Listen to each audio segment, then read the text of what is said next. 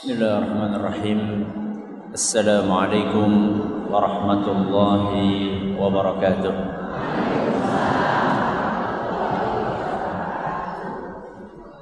الحمد لله رب العالمين وبه نستعين على أمور الدنيا والدين وصلى الله على نبينا محمد وعلى آله وصحبه أجمعين أما بعد Kita panjatkan puja dan puji syukur kehadirat Allah Tabaraka wa Ta'ala. Pada kesempatan pagi yang berbahagia kali ini Kita kembali diberi kekuatan, kesehatan, hidayah serta taufik dari Allah Jalla wa Ala. Sehingga kita bisa kembali menghadiri pengajian rutin Jumat pagi di Masjid Agung Darussalam Purbalingga. Kita berharap semoga Allah tabaraka wa taala berkenan untuk melimpahkan kepada kita semuanya ilmu yang bermanfaat sehingga bisa kita amalkan sebagai bekal untuk menghadap kepada Allah Jalla wa Ala. Amin ya rabbal alamin. Salam dan salam semoga senantiasa tercurahkan kepada junjungan kita Nabi besar Muhammad sallallahu alaihi wasallam kepada para sahabatnya, keluarganya dan umatnya yang setia mengikuti tuntunannya hingga hari akhir nanti. Bapak-bapak dan ibu-ibu sekalian yang kami hormati dan juga segenap pendengar radio Insani 88 FM di Purbalingga dan sekitarnya. Materi pengajian kita pada pagi hari ini berjudul air susu dibalas air tuba.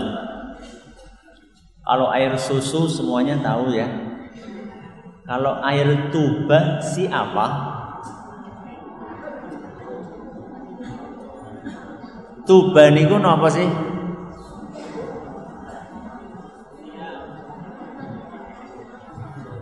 Tuba itu adalah nama pohon.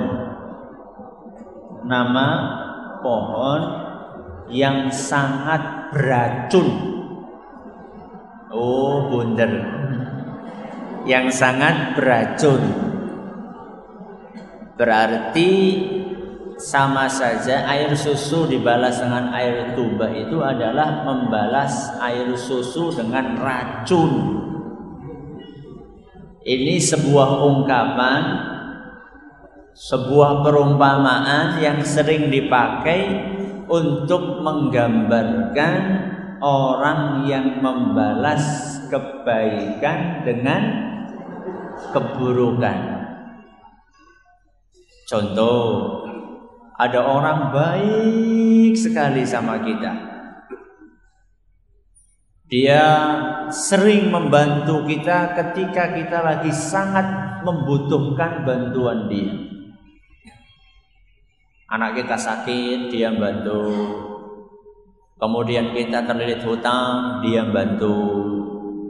Ada masalah apa, dia bantu.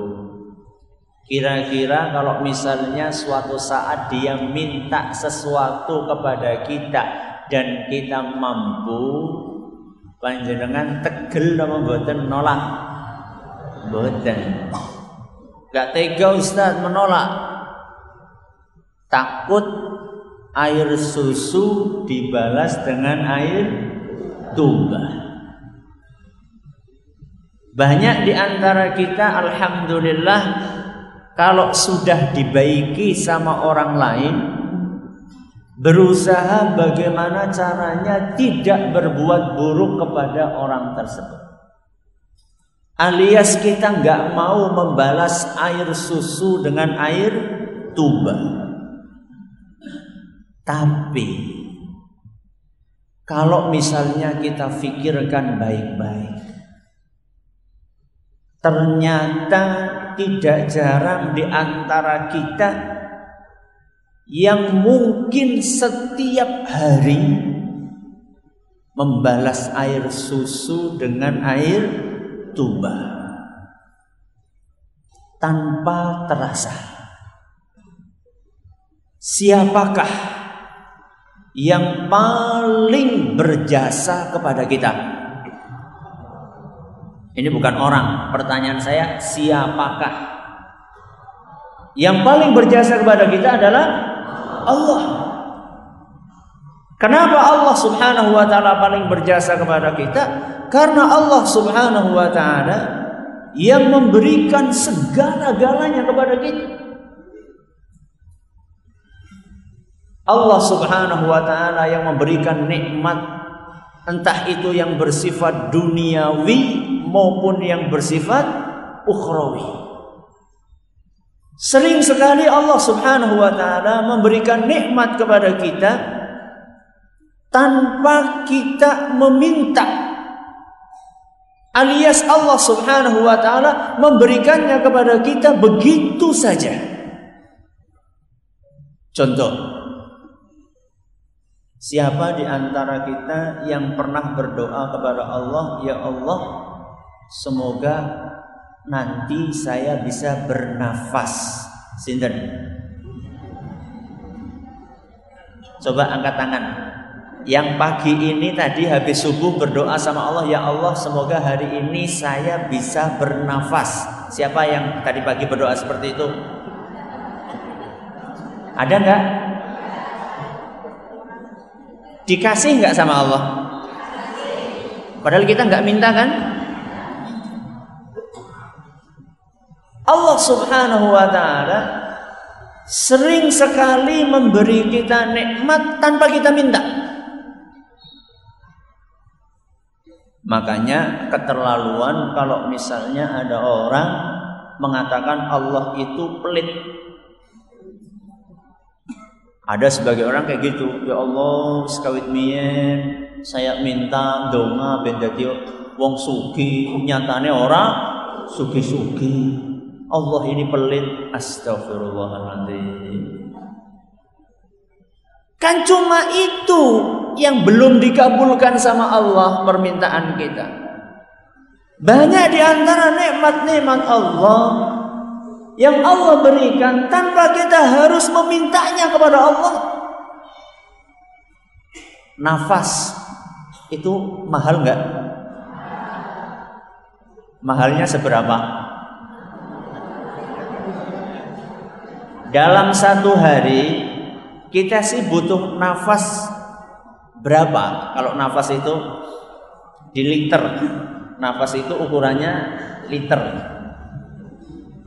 Menurut sebuah penelitian dalam sehari itu kita membutuhkan untuk bernafas 14.000 liter. Pinten? 14.000 liter udara. Setiap apa? Harinya. 14.000 benar diduitakan pinten? Kalau dihitung-hitung antara oksigen dengan nitrogen karena itu kebutuhan nafas kita kalau dihitung-hitung dengan harga yang dijual sekarang dalam satu hari itu kita butuh duit 176 juta. Genopo bernafas. 176 juta niku sebulan apa setahun? Sedina.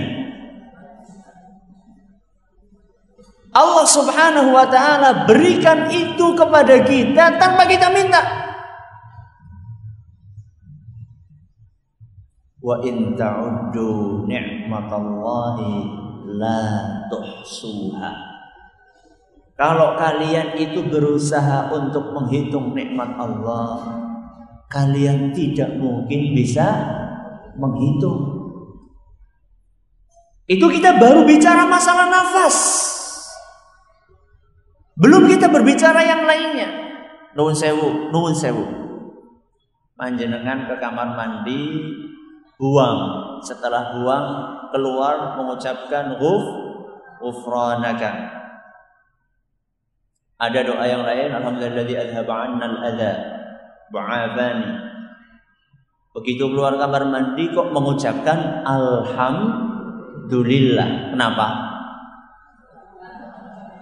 Nikmat apa badan? Nikmat. Panjenengan kebelet yang dikebelet itu nggak bisa keluar. Pripun rawse? Wah, orang karu-karuan. Ada orang dioperasi gara-gara nggak bisa buang air kecil, buang air besar. Wonten mboten? Wonten.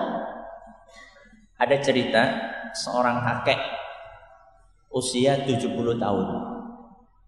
Usia 70 tahun. Suatu hari dia itu tidak bisa buang air kecil. Selama tiga hari kalau nggak salah. Rasanya ora karu-karuan. Sakitnya luar biasa. Akhirnya pergi ke dokter. Diperiksa sama dokternya. Wah ini harus operasi. Harus operasi ya udah apa-apa lah orang tahan banget ini rasanya orang karu-karuan. Akhirnya operasi betul. Begitu periksa langsung operasi. Begitu selesai operasi, tur. Rasanya apa?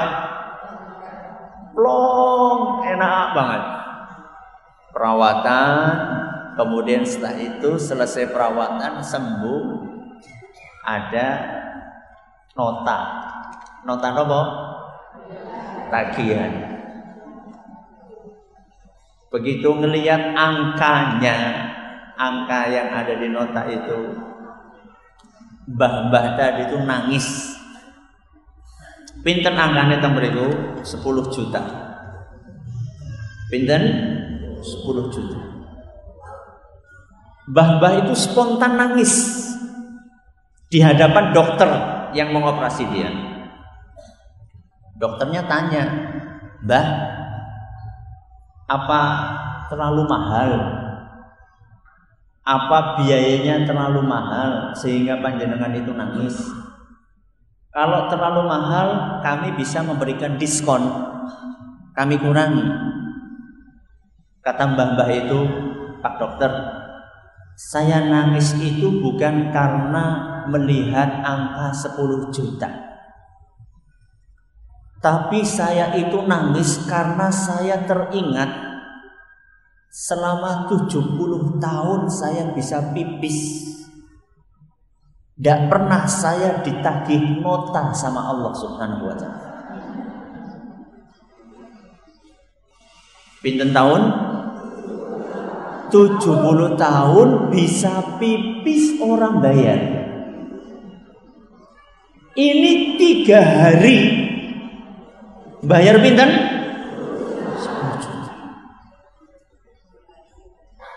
fabi ayyi ala'i rabbikuma tukadziban nikmat mana yang akan kalian dustakan?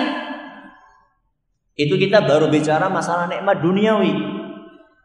Belum kita berbicara nikmat ukhrawi Allah Subhanahu wa taala menjadikan kita mendapatkan hidayah beragama Islam.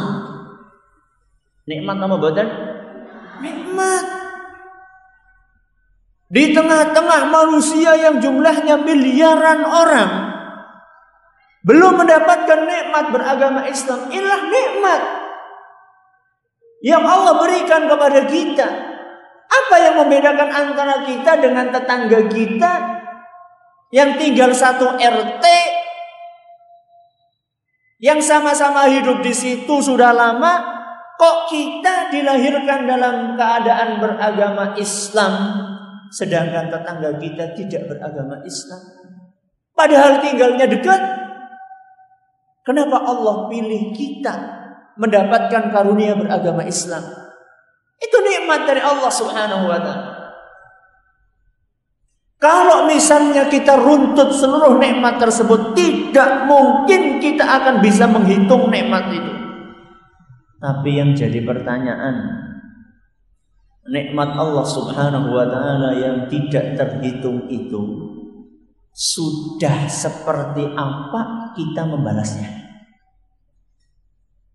Banyak di antara kita ternyata kebaikan-kebaikan yang Allah berikan kepada kita itu justru malah kita balas dengan air tuba. Apa iya Ustaz kalau nggak percaya? Di dalam sehari kita berbuat maksiat sama Allah berapa kali? Ping pinten? Coba mungkin ada di antara kita, saya, panjenengan suatu hari pengen tahu dalam sehari semalam sih berbuat maksiat berapa kali? Kemudian menyiapkan kertas dan apa? Dan pulpen Kemudian mencatat setiap hari maksiat ji, ro, du, kayak pas niku lho pilihan apa? Caleg ge, ji, ro, du, pat, lima, ji, ro, du, pat, lima. Itu kalau misalnya kita sempat untuk menghitung itu, kira-kira sehari kita berbuat maksiat berapa kali? Gak terhitung. Dan dahsyatnya, tragisnya, Ketika kita berbuat maksiat itu, setiap kita berbuat maksiat, medianya, sarana pendukungnya adalah kita gunakan nikmat-nikmat yang Allah berikan kepada kita. Nikmat yang Allah berikan kepada kita, kita gunakan untuk berbuat maksiat kepada yang memberi nikmat tersebut yaitu Allah Subhanahu. Kalau nggak percaya, Ibu-ibu nun sewu masih suka ngrasani? Ngrasani niku dosa napa mboten? Nun sewu. Panjenengan ngerasani pakai apa? Mulut siapa yang ngasih? Tuh, baru tahu kan?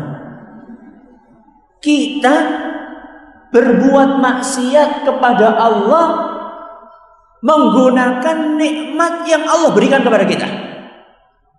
Itu apa bukan membalas air susu dengan air tuba?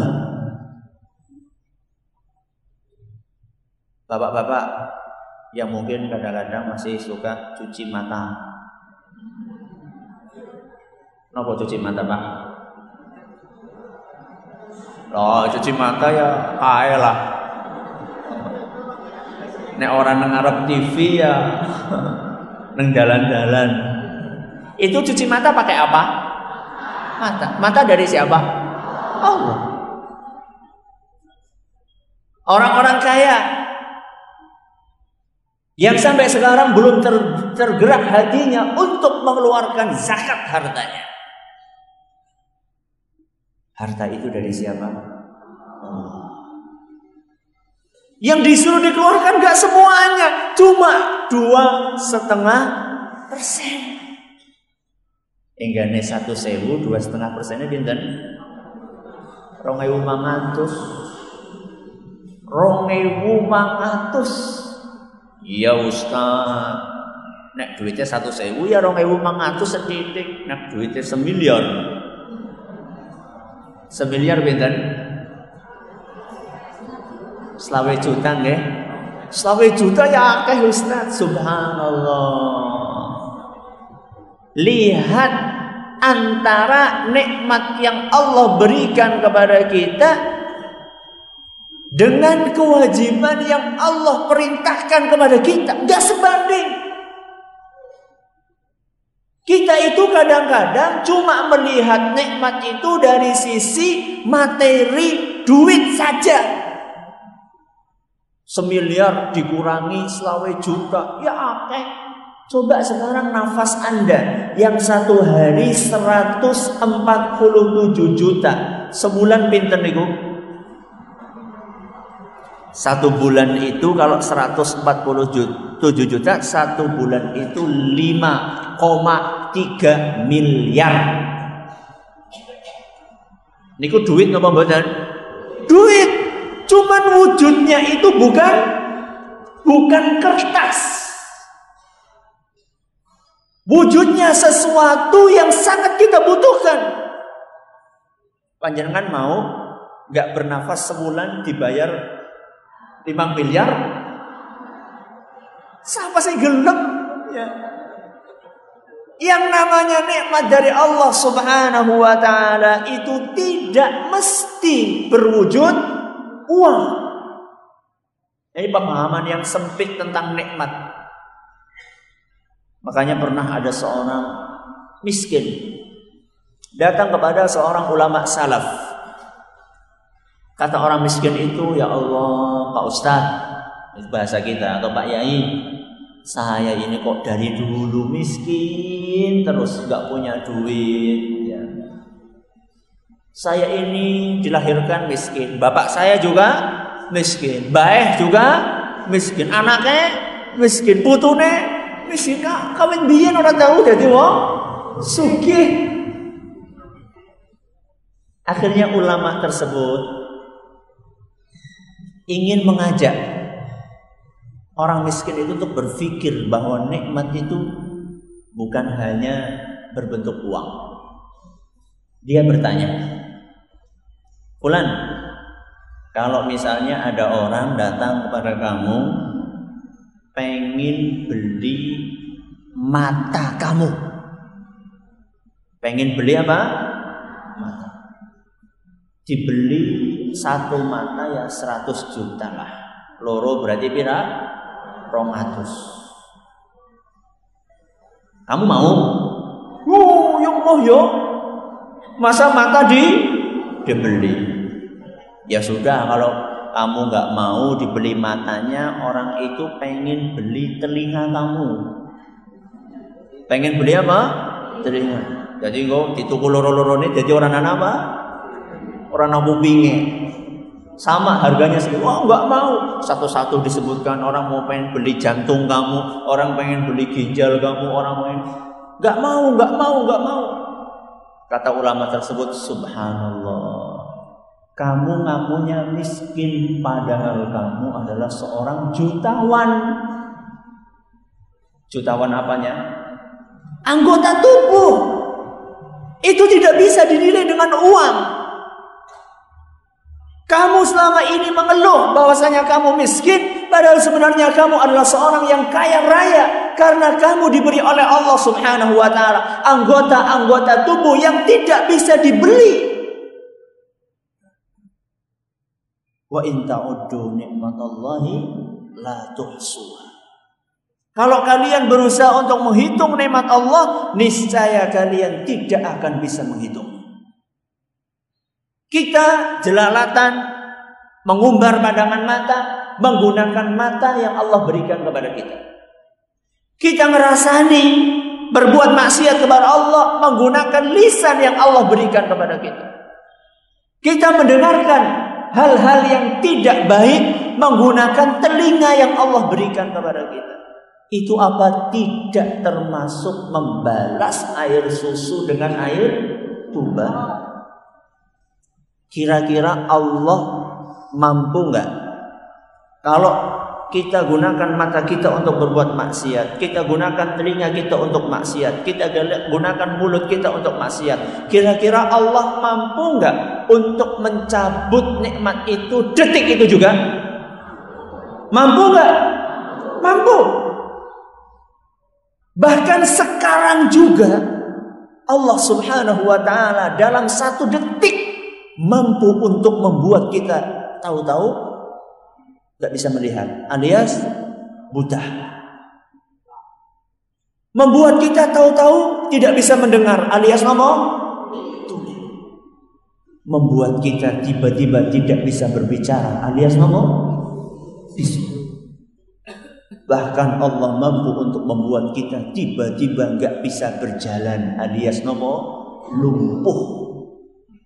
Allah Subhanahu wa taala mampu dan mungkin mungkin sebagian dari manusia layak untuk dicabut nikmatnya. Kenapa? Karena setiap hari dia berbuat maksiat kepada Allah menggunakan nikmat yang Allah berikan kepada dia. Sudah dikasih kaki, bukannya digunakan untuk pergi ke masjid, tapi digunakan untuk berbuat maksiat. Pantes kalau misalnya Allah menimpakan hukuman kepada orang-orang seperti itu. Tapi yang jadi pertanyaan, kenapa kok Allah tidak mencabut? Sekarang berapa kali panjenengan ibu-ibu berapa kali ngerasani Ping pinten? Ping pitu? Gak terhitung kan? Kalau misalnya Allah Subhanahu wa taala tahu-tahu mencabut izin berbicara, akhirnya kalau berbicara pakai nomor pakai bahasa isyarat. Panjenengan pernah melihat uh, orang yang gak bisa bicara? Kalau bicara kan kalau misalnya kita mengalami hal seperti itu, karena setiap harinya kita gunakan lisan kita untuk merasani orang, mungkin layak, pantas. Tapi kenapa Allah Subhanahu wa taala belum mencabut? Bukan tidak, apa? Belum. Kenapa? Mungkin karena Allah Subhanahu wa taala kasihan sama kita. Allah Subhanahu wa taala kasihan sama kita. Ini anak Adam, manusia ini kalau misalnya tahu-tahu nggak bisa melihat, bagaimana rasanya? Coba panjenengan pejamkan mata. Gak usah lama-lama, satu menit. Kemudian panjenengan yang dirasakan apa? Apa yang dirasakan? Gelap. Panjenengan bisa melihat teman yang di samping, nggak bisa. Bisa melihat lucunya cucu jenengan yang baru berapa tahun? Nggak bisa. Bisa melihat hijaunya sawah? Nggak bisa. Nggak tahu ini siang atau malam. Begitulah rasanya orang yang buta. Allah kasihan sama kita. Akhirnya tetap dikasih izin melihat. Supaya apa? Supaya kita mau kembali dan sadar bahwa Allah Subhanahu wa taala itu masih memberi kesempatan kepada kita untuk bertaubat kepada Allah Azza wa Jalla. Itu adalah kebaikan Allah, tapi lagi-lagi kebaikan Allah itu kita balas dengan air tuba. Rasa oh, jeneng nyong sehat, jeneng nyong udut tetap baik sehat apa-apa udut itu namanya kita lagi diundur sama Allah lagi ditunda sama Allah subhanahu wa ta'ala Sebagian orang kan mengatakan seperti itu. Wah, jere sapa rokok membunuhmu. Nyong kawin biyen rokok orang mati-mati. Gini buatan? Ada orang seperti itu kan? Itu namanya jenengan itu lagi dilulu sama Allah Subhanahu wa taala. Lagi ditunda hukumannya supaya menyempatkan diri untuk bertaubat sebelum datang ajal. Jadi Allah Subhanahu wa taala itu yumhil wala yuhmil. Artinya Allah itu menunda tapi tidak lupa. Jadi dikira kalau misalnya kita itu belum belum dicabut izin kita melihat, belum dicabut izin kita mendengar, belum dicabut izin kita berbicara, belum dimiskinkan sama Allah Subhanahu wa taala. Jangan dikira bahwasanya Allah itu lupa, enggak. Setiap perbuatan yang kita lakukan itu dicatat dengan rapi. Nanti pada hari kiamat kita akan terkaget-kaget. Ternyata subhanallah daftar dosa yang kita lakukan itu tercatat begitu panjang. Sebagaimana yang Allah sebutkan dalam Al-Quran surat Al-Kahfi ayat 49. Kata Allah subhanahu wa ta'ala wa wudi'al kitab. Pada hari kiamat nanti buku catatan itu akan dibeber. Diperlihatkan kepada para manusia. Fataral mujrimina musyfiqina mimma fihi Orang-orang yang banyak maksiat itu ketakutan. Merasa khawatir melihat buku catatan amalan dia. Wa yaqulun ya wailatana ma li hadzal kitab la yughadiru saghiratan wala kabiratan illa ahsaha. Orang yang banyak maksiat itu berkata, kitab apa ini? Masa kecil, besar, semuanya ditulis di situ. Memang semuanya ditulis.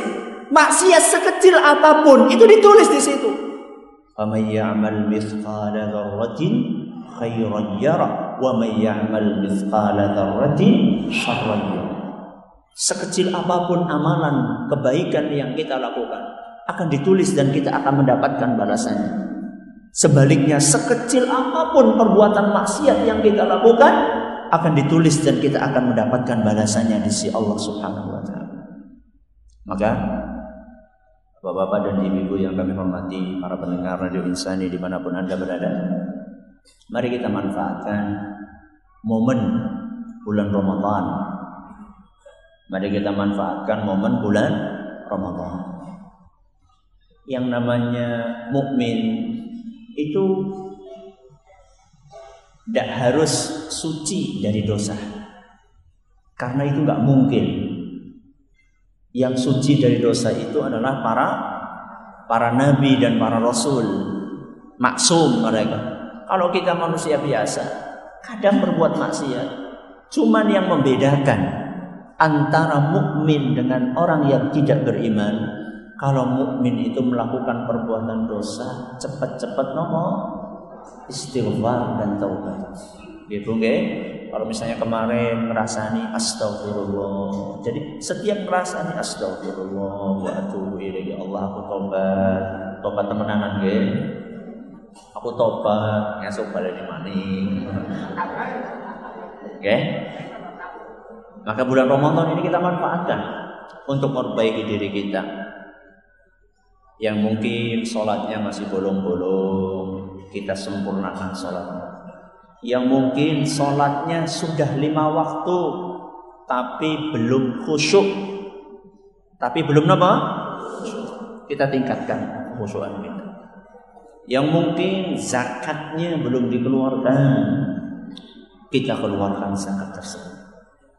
Yang mungkin kita masih biasa mengumbar pandangan kita membiarkan telinga kita mendengarkan hal-hal yang diharapkan oleh Allah kemudian melepas lisan kita untuk mengucapkan hal-hal yang tidak baik. Kita jadikan bulan Ramadan sebagai momen untuk memperbaiki diri. Cuman nggak bulan Ramadan kok. Itu hanya sebagai start mulainya. Kemudian berikutnya kita teruskan senantiasa istiqamah sampai ajal datang menjemput Semoga kita semuanya termasuk orang-orang yang husnul khatim. Ada pertanyaan? Monggo.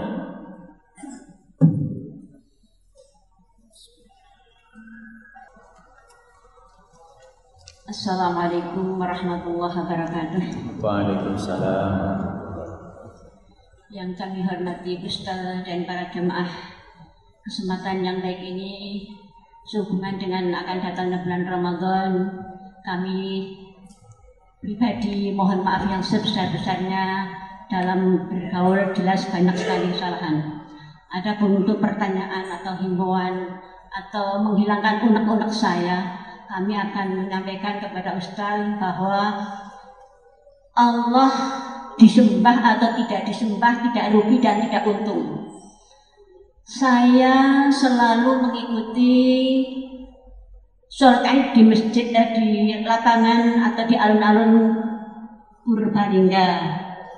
Padahal kami sangat menginginkan karena tadi e, disampaikan bahwa air susu dibalas dengan air tuba. Yang akan saya sampaikan, saya itu di staf pertama dari kaum ibu, tapi kenyataannya nanti menjadi dekat sekali dengan para bapak jadi seperti bapak-bapak dengan ibu-ibu tidak ada tidak ada batas. Maka saya ngunek-ngunek di dalam hati. Apakah itu termasuk membalas air susu dengan air tiba kepada Allah. Dan memang saya kalau istighfar atau membaca Masya Allah, saya kok sholatnya begini. Mohon penjelasan lah supaya saya hatinya itu agak agak agak plong lah. Sebab selamanya itu saya selalu ikut berjamaah sholat id di alun-alun Purbalingga karena softnya bapak-bapak dengan ibu-ibu tidak ada batasnya. Sekian mohon maaf atas pertanyaan dan mohon penjelasan agar menjadi plong hati saya. Terima kasih. Assalamualaikum warahmatullahi wabarakatuh. Pertama, bahwa Allah itu tidak butuh dengan ibadah kita, itu betul. Jadi jangan dipikir kalau kita beribadah dengan baik kepada Allah itu Allah kemudian menjadi tambah tinggi kedudukannya. Allah itu sudah maha tinggi, yang butuh dengan sholat kita itu siapa? Kita sendiri. Nah, bukan Allah Subhanahu wa taala. Kalaupun kita nggak sholat, Allah tuh nggak rugi. Kita nggak sholat, Allah tuh nggak nggak rugi. Yang rugi siapa? Kita. Ini yang perlu disadari. Kemudian masalah soft, ya, masalah soft itu dikembalikan kepada panitia ya, dan pengaturannya. Karena seandainya memang keadaan itu karena darurat, maka insya Allah tidak mengapa. Kalau kondisinya kondisi da, darurat. Tapi apakah memang itu sudah kondisi darurat? Atau sebenarnya masih bisa untuk disiasati. Kalau masih bisa untuk disiasati, maka belum masuk kondisi darurat kalau seperti itu. Ah, mengetahui itu kondisi darurat atau bukan, saya nggak pernah melakukan studi lapangan, ya. Dan karena karena saya juga bukan panitia, ya. maka ditanyakan kepada pihak yang berwenang, masa setiap tahun harus seperti itu? Apa tidak ada cara yang lainnya supaya tidak terulang terulang kembali? Sampaikan, ini mumpung masih ada waktu si ancan ya, masih ada beberapa, masih ada satu bulan lebih, sampaikan. Kalau ada usul bagaimana caranya? Apakah ibu-ibu dilokasir, dilokalisir di mana misalnya di pendopo atau di halamannya, kemudian bawa bapak di mana? Kayak gitu kan bisa sebenarnya. Cuman memang membutuhkan personil yang banyak. Karena kadang-kadang orang itu pengennya jagung nang pinggir kabeh. Ben bar langsung menyat kon meng tengah gelem itu kan sulit kayak gitu. Artinya memang membutuhkan personil yang banyak dari panitianya juga membutuhkan kesadaran dari kaum muslimin sendiri.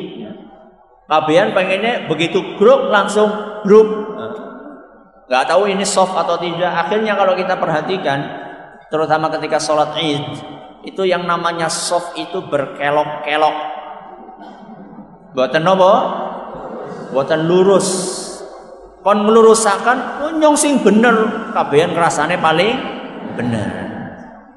Karena itu memang membutuhkan luar biasa memang terus terang itu membutuhkan kerjasama yang apik antara panitia dengan kaum muslimin para jamaah sholat id. Nggih, monggo yang lainnya. Bismillahirrahmanirrahim. Assalamualaikum warahmatullahi wabarakatuh. Waalaikumsalam. Terima kasih kepada Pak Ustadz waktu yang diberikan. Dalam materi ini kami jadi teringat uh, firman Allah yang artinya Barang siapa yang mensyukuri nikmat Allah, Allah akan menambahkan syukurnya dan barang siapa yang kufur akan memberikan siksa atau adab. Dalam situasi yang akan datang ini di bulan Ramadan ini biasanya banyak orang yang dimurahkan rezekinya.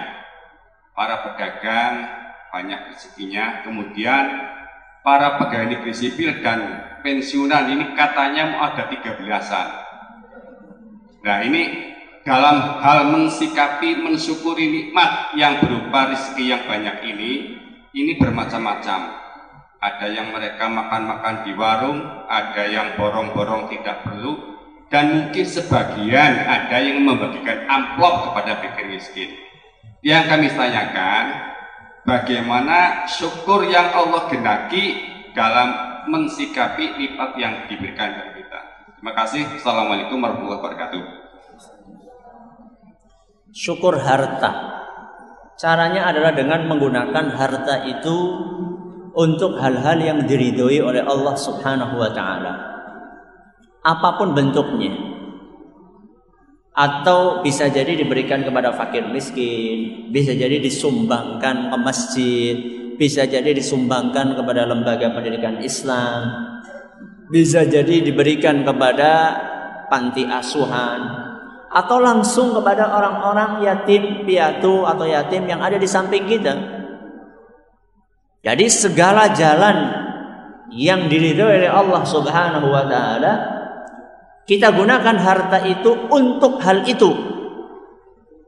Adapun menghambur-hamburkan harta untuk membeli hal-hal yang kurang bermanfaat sampai akhirnya kadang-kadang nanti bosok saking borongnya kakean. Wong nek baca tuli regane kabehan pada mundang wis ayo borong borong borong borong. Nganti bosok akhirnya di buang itu namanya mubah mubadzir innal mubadzirina kanu ikhwanas syayatin. Orang-orang yang mubadzir niku koncone sinten? Oh gue. Temannya setan ya.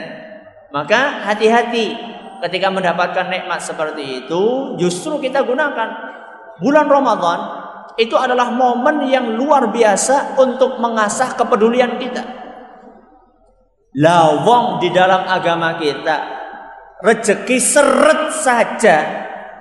Kalau bisa kita tetap sedekah apalagi apalagi ketika rezeki lagi omber. Imam Ahmad, saya kasih contoh, Imam Ahmad bin Hambal, seorang ulama besar. Ketika akan buka puasa, beliau menyediakan dua potong roti, dua potong roti kering, roti kering buat buka, sama air putih. Ketika hampir buka, hampir azan, Tahu-tahu ada orang mengetuk pintu rumahnya. Tok tok tok tok. Sinten pulo, pulo sinten? Pulo nyuwun. Pengemis. Ya, dia bilang saya udah nggak makan berapa hari wahai imam, kasihanlah saya. Kalau kita posisinya seperti itu, paling kan roti siji diparo, nah separo dikasihkan. Itu kalau kita. Oleh Imam Ahmad enggak. Apa yang beliau berikan? Yang beliau berikan dua roti itu semuanya dikasihkan. Padahal itu hanya itu makanan yang ada di rumahnya. Hanya itu makanan yang tersisa di rumahnya, nggak ada yang lainnya. Dua-duanya dikasihkan sama orang miskin itu. Doa terus boleh buka ke periwe Ustaz. Banyu bening. Dua roti kering itu rencananya oleh Imam Ahmad satu roti untuk buka, satu roti untuk sahur. Dua-duanya diberikan. Buka dengan air bening, sahur dengan air bening. Siapa sing kuat? Oh kita kan kalau buka puasa kan segala apa ada di depan kita. Makanan saja nggak cukup satu jenis loh Wis ana seroto golek bakso, wis ana bakso golek kecot. wis ana kecot golek wah minumannya juga sama. Wis ana dawet golek kolak, sudah ada kolak nyari es degan dan seterusnya. Berarti ya, bulan Ramadan yang niatnya untuk mengekang nafsu berubah menjadi bulan pelampiasan nafsu. Mumpung lagi buka ke kabeh dintongaken akhirnya trawean arif.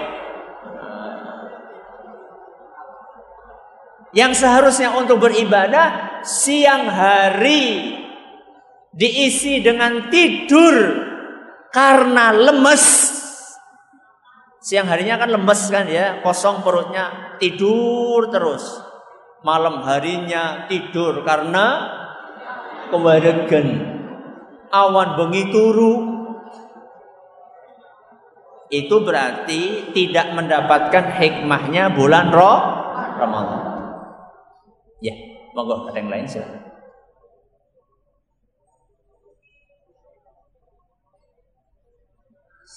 Assalamualaikum warahmatullahi wabarakatuh.